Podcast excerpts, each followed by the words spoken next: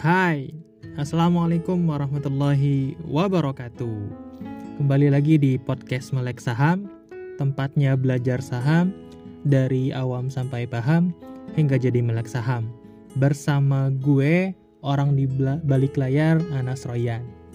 Oke guys, pada episode kali ini gue pengen ngebahas mengenai investor versus trader. Jadi ada dua istilah keren yang ada di dalam dunia saham. Mungkin teman-teman sekalian sudah nggak asing, tapi mungkin masih pengen ngulik dan pengen bertanya gitu, karena mungkin hanya sekedar tahu. Jadi ada dua ya, pertama itu investor, yang kedua itu ada trader. Ini dua orang perilaku ataupun dua orang subjek dengan perilaku yang cukup berbeda di dalam dunia saham. Pada episode kali ini gue pengen ngebahas dari empat sisi. Mulai dari itu dari definisinya, mulai uh, terus juga dari jangka waktunya, juga dari keuntungannya, sehingga terakhir mungkin dari analisa yang dipakainya. Yang pertama, perbedaan antara investor dan trader. Jadi, secara definisi, investor itu adalah orang yang menginvestasikan uangnya untuk saham. Jadi dia beli e, banyak lot, kemudian disimpannya karena memang e, dia berusaha untuk menjadi seorang investor. Dia menginvestasikan uangnya gitu.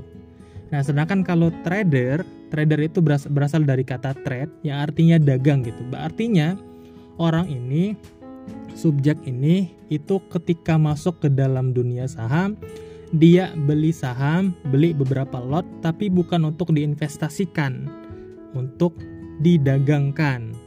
Itu ya. Jadi secara niat ini sudah berbeda. Niat yang pertama itu adalah sebagai seorang investor. Dia menginvestasikan uangnya. Sedangkan yang kedua, dia mendagangkan sahamnya gitu. Ini dari definisinya. Mungkin sudah cukup uh, paham ya perbedaan antara investor dan trader dari segi definisinya. Nah, yang kedua, dari segi jangka waktunya, investor itu cenderung lama gitu. Jadi investor itu jangka panjang. Jadi ketika dia hold atau ketika dia pegang satu saham, maka kemungkinan besar itu jangka panjang gitu. Mulai dari satu tahun, lima tahun, sepuluh tahun, bahkan berpuluh-puluh tahun ke depan gitu. Nah, kalau dari segi trader, trader itu cenderung nggak bakal uh, pegang saham secara lama gitu. Jadi kemungkinan besar dia bakal pegang secara jangka pendek. Ya dilihat aja sekiranya harga turun dia beli, eh besoknya misalnya atau mungkin misalnya beberapa hari ke depan ketika harga sudah bagus dan itu sesuai dengan trading plan-nya, maka langsung dijual. Jadi akan cukup high risk ya ketika dia hold terus dan itu nggak nggak dijualnya. Itu bukan bukan sebagai seorang trader tapi so, sebagai seorang investor. Itu beda kan? Jadi seorang investor itu dia pegang dalam jangka waktu yang lama tetapi seorang trader dia pegang saham itu dalam jangka pendek. Yang ketiga dari segi analisanya nih. Nah analisa yang dipakai antara trader dan investor juga beda biasanya investor itu kalau pakai analisa analisa fundamental. Kalaupun dia pakai analisa teknikal, biasanya itu digabungkan dengan analisis fundamentalnya gitu. Jadi inilah kecermatan dari seorang investor ketika dia melihat uh, kemungkinan besar perusahaan ini bakal prospek ke depannya. Perusahaan ini bakal bertumbuh ke depannya gitu. Jadi perusahaan ini bagus banget kalau sekiranya kita pegang sampai lima tahun ke depan. Kalau misal kita pegang sampai 10 tahun ke depan gitu. Misalnya eh, perusahaan ini kemungkinan besar sampai puluhan ke eh, tahun ke depan misalnya dia dia bakal buka cabang di 34 provinsi di Indonesia gitu. Bahkan misalnya dia bakal ekspansi ke luar negeri mulai dari Eropa, kemudian Amerika, Australia ataupun yang lainnya. Nah, ini kemungkinan besar perusahaan-perusahaan dengan prospek bagus ini itu cocok untuk diinvestasikan dalam jangka panjang. Inilah uh, dalam bidang kacamata seorang investor.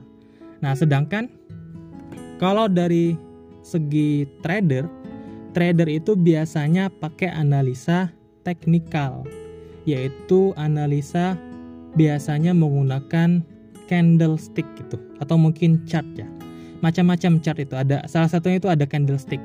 Nah, cara membaca candlestick ini juga macam-macam. Ada Fibonacci, kemudian ada uh, averaging moving average, ada juga yang lainnya gitu. Jadi ini disesuaikan dengan analisa sekarang. Kira-kira tren pasar saat ini itu cenderung naik atau mungkin cenderung turun. Juga dilihat nih kira-kira saham pada hari ini itu ada gangguannya apa enggak, ada sentimennya apa enggak gitu. Sebagai seorang trader, makanya yang dibutuhkan itu untuk selalu update akan berita-berita. Ya biar di, biar kita tahu kira-kira kondisi Indonesia saat ini itu bagaimana. Kondisi perusahaan tersebut itu bagaimana. Kondisi saham ataupun IHSG pada hari itu bagaimana. Apakah uh, trennya lagi naik atau mungkin trennya lagi turun gitu dan itu bisa dianalisa menggunakan chart tadi. Ya salah satunya itu candlestick dengan macam-macam analisisnya. Itu. Nah yang terakhir dari segi keuntungannya. Investor itu biasanya ngejar keuntungan yaitu dividen serta kenaikan dari harga saham tersebut gitu. Misalkan nih misalkan saham A itu pada tahun ini 50 rupiah per lembarnya gitu. Nah karena memang kita sebagai seorang investor setelah menganalisa, melihat kemudian manajemennya bagus, eh, terus juga kualitas dari perusahaannya bagus, kita investasi nih. Investasinya itu sampai lima tahun ke depan. Nah tahu-tahu pas lima tahun ke depan itu, eh benar emang perusahaannya bagus gitu, dan ternyata harga sahamnya tuh naik sampai 2000 per lembar gitu. Nah, ini ini kan berarti adanya kenaikan yang signifikan tiap tahunnya. Dan tentu ketika pembagian dividen itu juga besar, termasuk ketika adanya perubahan signifikan di perusahaan ini gitu. Sedangkan kalau untuk trader, trader itu mengandalkan dari capital gain gitu.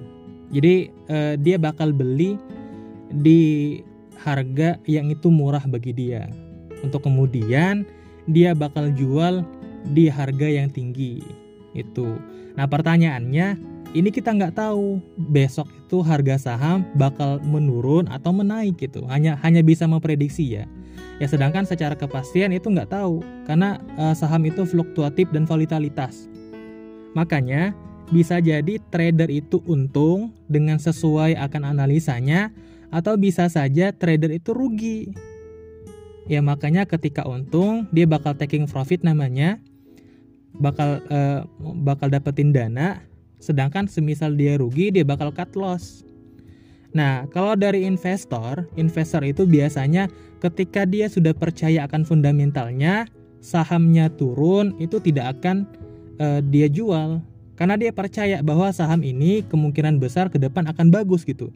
Jadi ketika bulan ini sahamnya turun, misalnya turun banget gitu sampai sampai berapa persen, ya dia tidak dia tidak akan menjual. Dia percaya dengan analisa fundamentalnya gitu bahwa perusahaan ini bagus, manajemennya juga berkualitas, termasuk eh, apa namanya prospek ke depannya itu juga lebih baik gitu.